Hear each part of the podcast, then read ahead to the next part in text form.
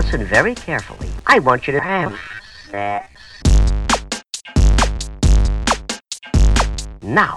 And when I say now, Promise I will not judge any person. Ah, yes. I don't get it. Ah, yes. Ah, yes. Ah, yes. I don't get it. Cześć, z tej strony Nat, czyli twoja zaufana sekspertka, a to jest Nat i Seks. Podcast o tym, że życie jest zbyt krótkie na kiepski seks. Odcinek 55. Uzbrojenie w niekompetencje. Hej, hej. Miło mi znów gościć w Twoich dziurkach usznych i mam nadzieję, że cieszysz się na to spotkanie tak samo jak ja. Zanim przejdę do tematu odcinka, chciałabym odpowiedzieć na pytanie od osoby wspierającej, tutaj akurat w serwisie Buy Coffee 2.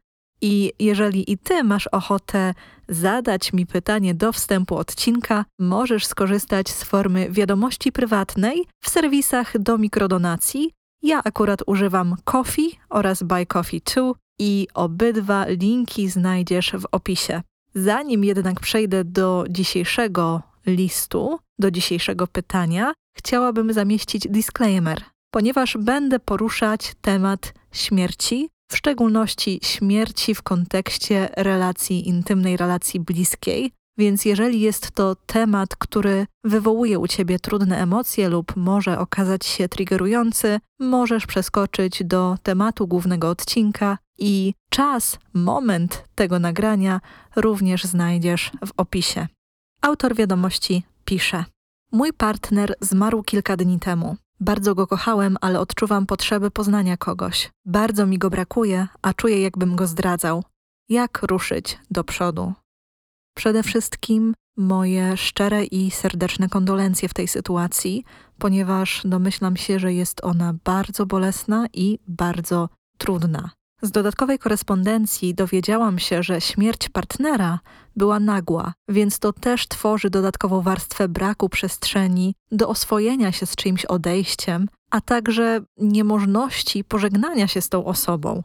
Autor wiadomości znalazł się w sytuacji, w której nagle z jednej rzeczywistości i jednej tożsamości znalazł się w drugiej. Jednego dnia był w związku, a drugiego został singlem i wdowcem w żałobie.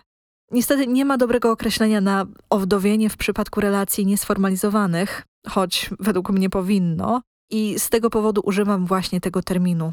Autor wiadomości został wdowcem. Przede wszystkim chciałabym podkreślić, że utrata bliskiej osoby to doświadczenie graniczne, które znacznie zmienia rzeczywistość i któremu bardzo często towarzyszą ogromnie silne emocje. W relacji intymnej, z jaką tu mamy do czynienia, istnieje duże prawdopodobieństwo, że zmarła osoba pełniła w naszym życiu wiele ról. W tym przypadku był to partner, kochanek, zapewne też przyjaciel, powiernik, ktoś, kto wspiera w trudnych chwilach, może współopiekun domowego zwierzęcia. Tego akurat nie wiem.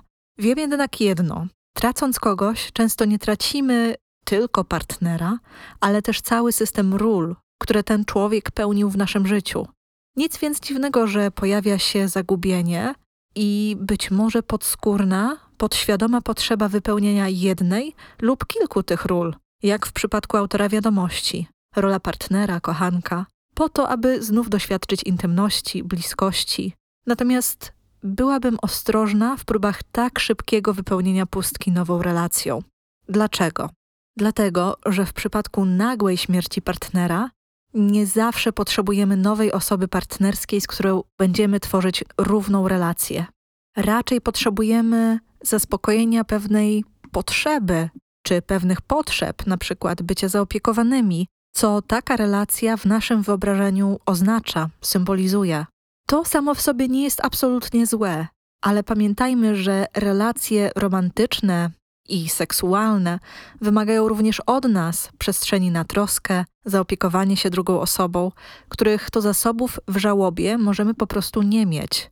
Jeżeli jest nam tak źle, tak trudno i tak smutno, i mamy w sobie ogromną pustkę związaną z brakiem drugiej osoby, może nam być trudno znaleźć cokolwiek, co będziemy w stanie nalać do naczynia kogoś innego. Przyjrzyjmy się więc systemowi, który mamy wokół siebie. Przyjaźniom, więziom rodzinnym i temu, jak one mogłyby spełnić rolę opiekuńczą w tej trudnej sytuacji. Jeżeli nasze doświadczenie na tu i teraz wiąże się na przykład z głodem dotyku, możemy poprosić o kontakt fizyczny, nie zawsze seksualny, właśnie te osoby, które są wokół nas, a jeżeli nie jest to możliwe, możemy na przykład zadbać o siebie zapisując się na masaż. Autor wiadomości pisze, że próbując nawiązać lub rozważając intymność z innymi osobami, czuje się jakby zdradzał swojego partnera. To dość częste zjawisko, a tu dodatkowo mamy do czynienia z bardzo świeżą sprawą. Przypominam, że autor wiadomości napisał o kilku dniach, które minęły. Mamy więc też do czynienia, wyobrażam sobie, z nieopłakaną jeszcze stratą, która na dodatek nie wiązała się z możliwością pożegnania partnera. Osoba pytająca nie dostała daru czasu związanego z czyimś odchodzeniem, czasu, który mogłaby wykorzystać, aby przygotować się na to. Być może warto w tej sytuacji zastanowić się, co pomogłoby pożegnać partnera w sposób symboliczny dla siebie, aby pozwolić mu odejść, co nie oznacza, że pozostać zapomnianym. Może to być więc jakieś wydarzenie z udziałem najbliższych dla ciebie, autorze i partnera osób, a może jakiś rytuał, który odprawisz samodzielnie. Oczywiście na ten moment zakładam, że może być na to za wcześnie, ale może będzie to możliwe za jakiś czas. Jeżeli Twoje życie, Twoje życie towarzyskie dotychczas odbywało się w parze i bazowało na aktywnościach z innymi parami, jego utrzymanie w tej samej formie może być wyzwaniem. Pamiętaj, że nie musisz tego robić, bo chodzenie na tego typu wydarzenia solo, zwłaszcza gdy biorący w nich udział ludzie znali was jako parę i też nie do końca wiedzą, jak odnaleźć się w tej sytuacji, jak odnieść się do twojej straty, bywa emocjonalnie trudne i nie da się ukryć wyczerpujące. Zresztą, co wiem z dodatkowej korespondencji, autor jest osobą przed trzydziestką, więc w gronie znajomych zapewne większość osób to osoby w podobnym wieku, czyli takie, które być może jeszcze nie mają doświadczenia straty bliskiego człowieka, partnera i być może mogą w związku z tym, nie mając takich doświadczeń, potrafić radzić sobie w tej sytuacji. I z tego powodu mogą mówić rzeczy niezręczne, a nawet bezużyteczne, mało wspierające. Pomocne może okazać się więc poszukanie grupy wsparcia dla osób w żałobie lub wzięcie udziału w jednym ze spotkań lub warsztatów instytucji, która jest według mnie w Polsce rewolucyjna, ale bardzo ważna, mianowicie Instytutu Dobrej Śmierci, aby poszukać w tym procesie wspierającego towarzystwa i przede wszystkim zrozumienia dla tego wyjątkowego doświadczenia. Autorze, na tę chwilę jesteś nośnikiem waszej wyjątkowej historii jako związku, jako pary, historii waszej intymności. Zachęcam cię do dania sobie czasu, aby opłakać tę stratę, również tego, co mogło, ale nigdy się nie wydarzyło, tego, co mogło być, być może tego, na co mieliście z partnerem nadzieję wspólnie. Chciałabym cię zachęcić do znalezienia swojego sposobu, aby w sposób symboliczny podziękować mu za czas spędzony razem, to, czego się od niego nauczyłeś, to, czego dzięki jego obecności w Twoim życiu dowiedziałeś się o sobie. Być może jedną z tych rzeczy jest wiedza, że jesteś w stanie stworzyć głęboką, bliską relację. Nie jestem w stanie powiedzieć, kiedy poczucie zdradzania partnera, który zmarł, minie w kontekście nowych relacji. Zwłaszcza, że strata w tym przypadku jest bardzo świeża. Zastanów się więc, czego potrzebujesz w kontekście Twojej przeszłej relacji. Na co, jeżeli zdecydujesz się stworzyć nowy związek, nowy partner powinien się przygotować. Może to być to, że rocznice czy inne ważne dni w kontekście zmarłego partnera będą wywoływać trudne emocje, lub to, że będziesz chciał spędzić te dni w konkretny sposób, albo że w Twoim domu czy w Twoim bagażu będą wspólne zdjęcia czy jakieś pamiątki po zmarłym partnerze. Może teraz trudno jest Ci w to uwierzyć, ale jako ludzie jesteśmy w stanie kochać więcej niż jedną osobę, kochać w sposób romantyczny, kochać w sposób seksualny w ciągu naszego życia. Każdą z tych osób zapewne będziesz kochać inaczej, bo i te osoby będą inne, a i ty będziesz spotykał je w kontekście zupełnie innego etapu Twojego życia, zupełnie innych doświadczeń. Być może z niektórymi z nich spędzisz więcej czasu, z innymi mniej, ale tego nie jesteśmy w stanie stwierdzić z tego punktu, w którym obecnie jesteśmy. Tworzenie relacji pełnych szacunku do zmarłego partnera oraz obecnych lub przyszłych osób jest możliwe.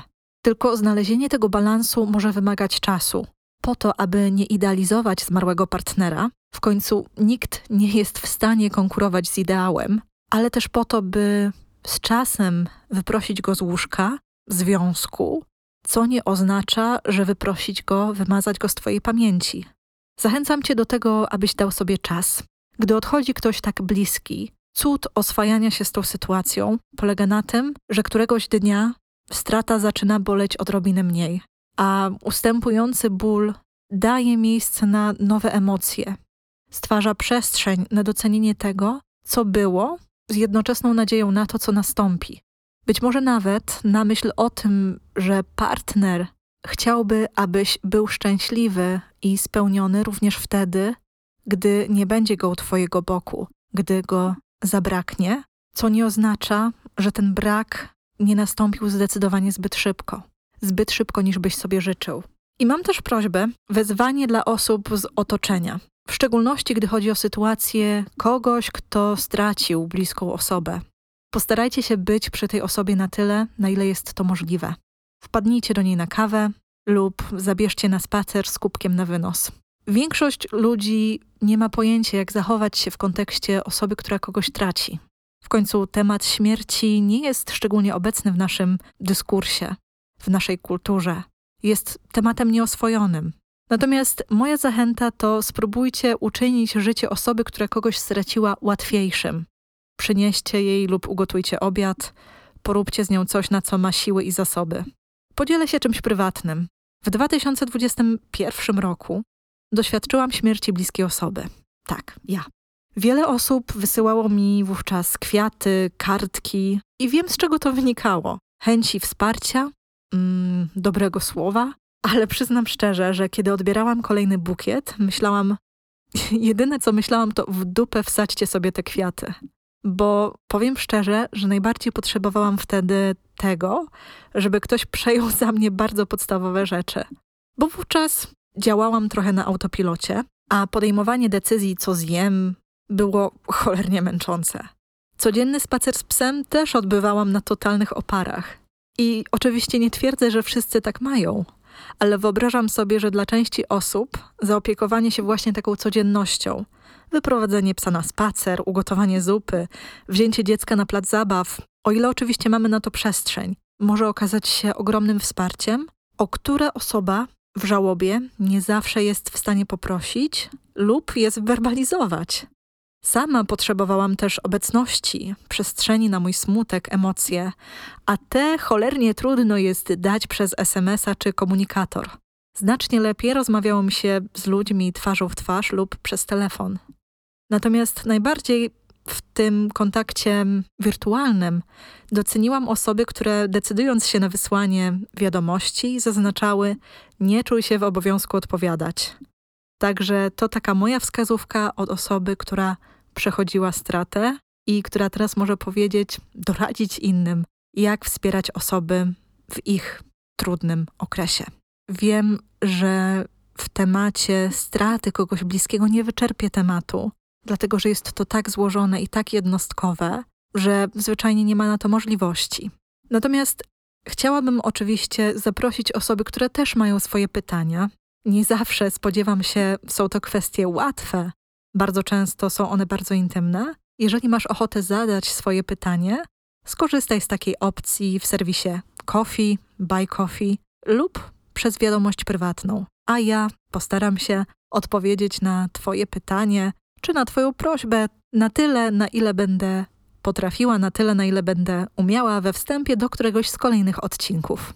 Od razu dodam, że choć serwisy do mikrodonacji dają przestrzeń do wspierania mojej działalności podcastowej finansowo, to oczywiście bardzo, bardzo Cię zachęcam również do innych form wspierania, między innymi subskrypcją, poleceniem tego podcastu komuś, komu mógłby się spodobać, lub zostawieniem oceny w którymś z serwisów, w których lubisz słuchać. Przejdźmy jednak do tematu odcinka, czyli tematu uzbrojenia w niekompetencje. I od razu zachęcam do potraktowania tego odcinka jak eseju podcastowego, bo nagrywanie zaczynam totalnie bez konkluzji, i samą mnie ciekawi, gdzie zaprowadzą mnie dzisiejsze rozważania. Też mogę potrzebować chwili, żeby wyrwać się z tego trudnego mm, tematu ciężkiej wagi, którym zaczęłam dziś odcinek, więc też proszę Cię dziś o wyrozumiałość. Ale do dzieła, bo uzbrojenie w niekompetencje bazuje na terminie weaponized incompetence, który jakiś czas temu był szczególnie omawiany w mediach, w tym również na TikToku ze wszystkich miejsc w internecie. I przyznam, że zanim poznałam to określenie, trudno było mi samej nazwać to, czego zdarzyło mi się doświadczać na różnych polach, w tym, co myślę dość zaskakujące, w seksie. Zresztą okazuje się, że to nie TikTok czy nie współczesny internet wymyślił weaponized incompetence, ponieważ podobne pojęcie przewijało się już w mediach ponad 10 lat temu i była to strategiczna niekompetencja, ale nie zatoczyła aż takich kręgów jak obecnie i być może zawdzięczamy to właśnie mediom społecznościowym. Czym zatem jest coś, co ja tłumaczę jako uzbrojenie w niekompetencje?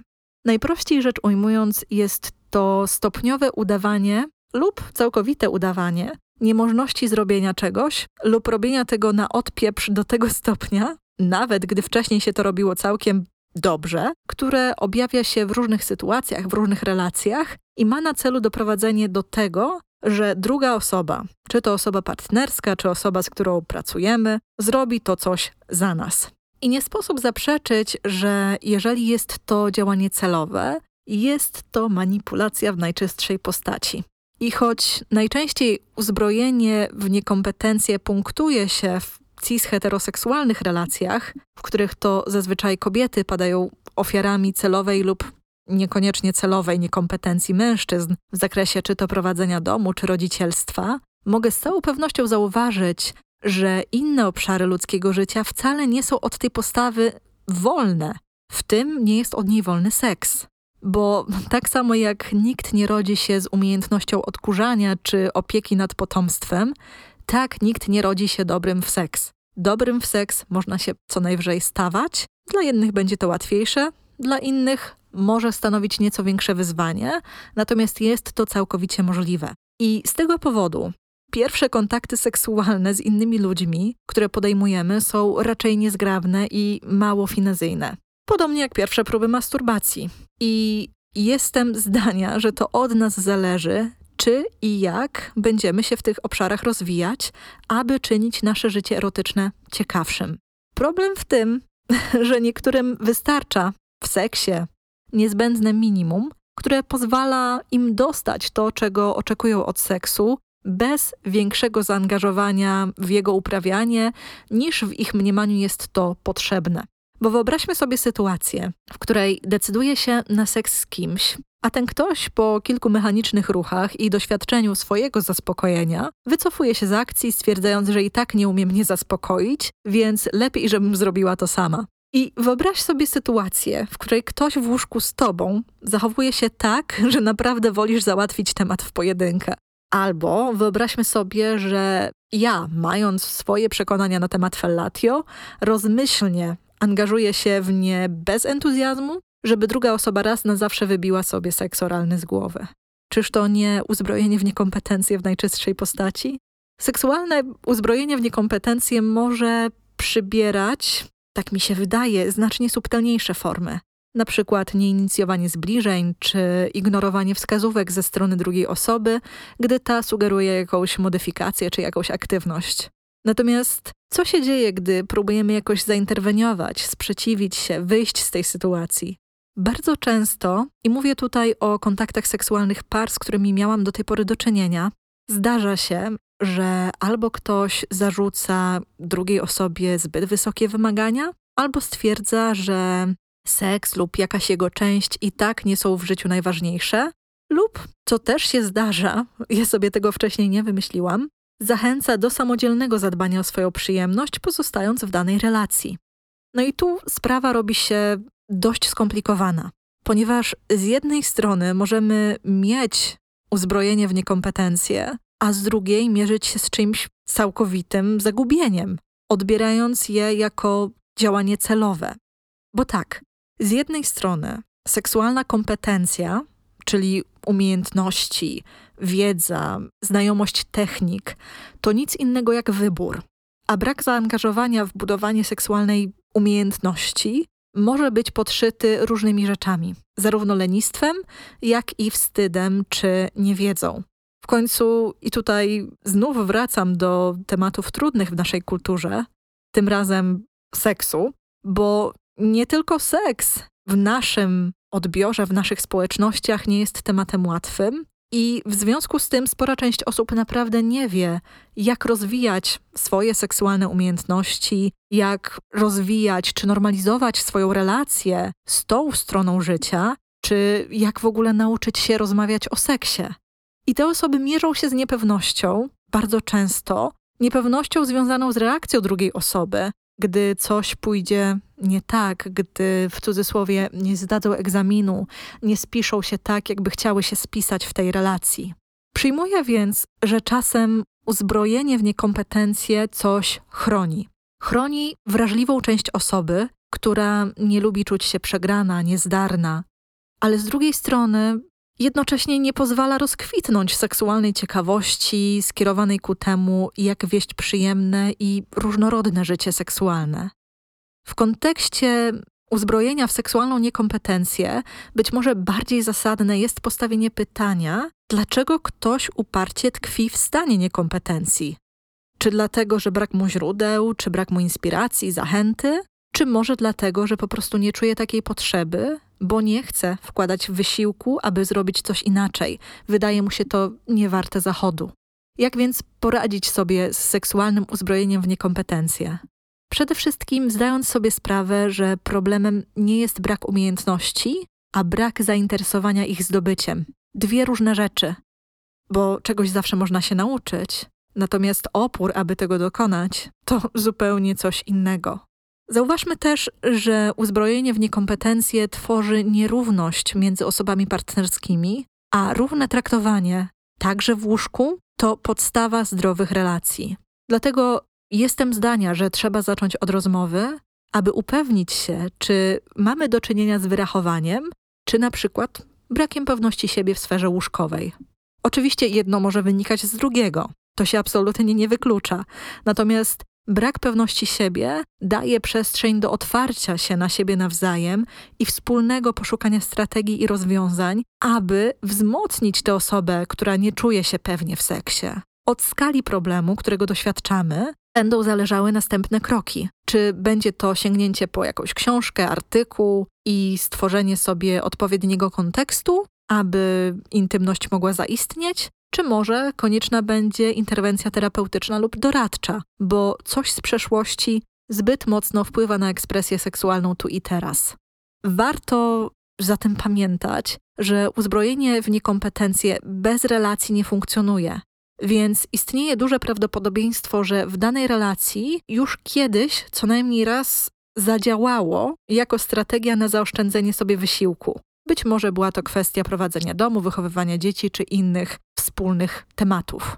Może więc dynamika relacji i to, co wnoszą w nią poszczególne osoby przekonania, doświadczenia, poglądy, wzorce być może to one sprzyjają wzmacnianiu tej niekompetencji, dają na nią przestrzeń, bo sam seks jest szczególnym obszarem, w którym rzadko ma się gotowość na eskalowanie konfliktu, w końcu wielu ludzi wolałoby, aby był on intuicyjny, wolny od dramy. Natomiast jest w seksie też dużo przyzwolenia na działanie wbrew sobie i własnym granicom. I jedno jest pewne. Tak samo jak relacje osłabiają się lub rozpadają z powodu czyjegoś uzbrojenia w niekompetencje w obszarach pozaseksualnych, wyżej wspomniane mm, prowadzenie domu, wychowywanie dzieci itd., tak samo mogą zostać nadwyrężone przez celową, strategiczną niekompetencję w seksie. Bo zauważmy, że zbrojenie się w niekompetencje na jakimkolwiek polu z jednej strony opiera się na zapewnieniu sobie luzu i wygody, a z drugiej jest symptomem głębokiego przekonania, że jest się całkowicie uprawnionym lub uprawnioną do tego, aby ten komfort sobie zapewnić kosztem czyjegoś dyskomfortu lub nieproporcjonalnie dużej pracy fizycznej lub emocjonalnej, którą ta osoba ma w coś włożyć. I wtedy, odkrywszy to, warto zadać sobie pytanie, dlaczego wydaje mi się, że zasługuję na takie traktowanie, czyli na przykład na to, żeby ktoś seks ze mną odwalał na odpieprz, a wreszcie podjąć decyzję, czy w związku z tym mam zostać w tej relacji, czy ją opuścić. Zauważmy, że gdy ktoś decyduje się zakończyć relację, w której z powodu czyjegoś uzbrojenia w niekompetencje nie znajduje spełnienia, łatwo z zewnątrz, w szczególności gdy chodzi o seks, ocenić osobę, która odchodzi jako małostkową, a tę, która została pozostawiona, postrzegać jako ofiarę czyichś zbyt wysokich, wygórowanych wymagań. Natomiast pamiętajmy, że to, co postrzegamy jako te wymagania, dla osób, które je przejawiają, jest po prostu czymś ważnym, czymś, co składa się na szerszy obraz danej relacji. I gdy ktoś ciągle i z premedytacją odmawia dostrzeżenia, jak to coś, powiedzmy, satysfakcjonujące życie seksualne, jest dla kogoś ważne, to warto zastanowić się, po co tkwić w takim układzie, jeżeli nie jesteśmy w stanie się na tym obszarze spotkać, albo, mówiąc bardziej dosadnie, kompletnie nie mamy na to ochoty. Rezygnacja z uzbrojenia w seksualną niekompetencję opiera się nie tylko na tym, aby odpowiadać na czyjeś wezwania i potrzeby, ale też proaktywnie pytać, szukać komunikacji, czy jest coś, co możemy dla siebie nawzajem zrobić, aby było nam lepiej. Tak postawione pytanie nie tylko sprawia, że druga strona czuje się zauważona, a w efekcie, mam nadzieję, zostaje wysłuchana, ale też buduje poczucie bezpieczeństwa oraz zaufanie, dzięki któremu satysfakcjonująca relacja seksualna może rozkwitnąć, jeśli tylko oczywiście zaangażowane osoby mają na to gotowość. I myślę, że na tym skończę, bo pojawiło się tutaj sporo wątków, ale mimo to mam nadzieję, że udało mi się w miarę jasno przekazać te wnioski, bo oczywiście uzbrojenie w niekompetencje w jakimkolwiek obszarze, gdy jest to działanie strategiczne, przemyślane, niekoniecznie jest czymś, co służy budowaniu równych, zdrowych relacji. Więc czasami warto się przyjrzeć, czy są takie obszary, w których przejawiamy właśnie takie zachowanie i zastanowić się, jak możemy je zaadresować, a także spróbować odkryć, co na to wpłynęło. Bo często jest to wynik czy jakichś wzorców, czy jakichś przekonań, czy innych rzeczy, które nas ukształtowały, i dowód na to, że były już w naszym życiu może relacje, w których uzbrojenie w niekompetencje działało, dając nam przestrzeń na coś zupełnie innego. Co nie oznacza, że na dłuższą metę jest to działanie, które przyniesie nam korzyści, które pozwoli nam rzeczywiście wieść takie życie i tworzyć takie relacje, które pozwolą nam stawać się czy funkcjonować jak najlepsze wersje siebie, czy takimi, jakimi chcemy się w tychże relacjach widzieć. Dziękuję Ci za towarzyszenie mi w tych rozważaniach i tymczasem nie pozostaje mi nic innego, jak życzyć Ci wszystkiego seksownego i powiedzieć do usłyszenia wkrótce. Pa!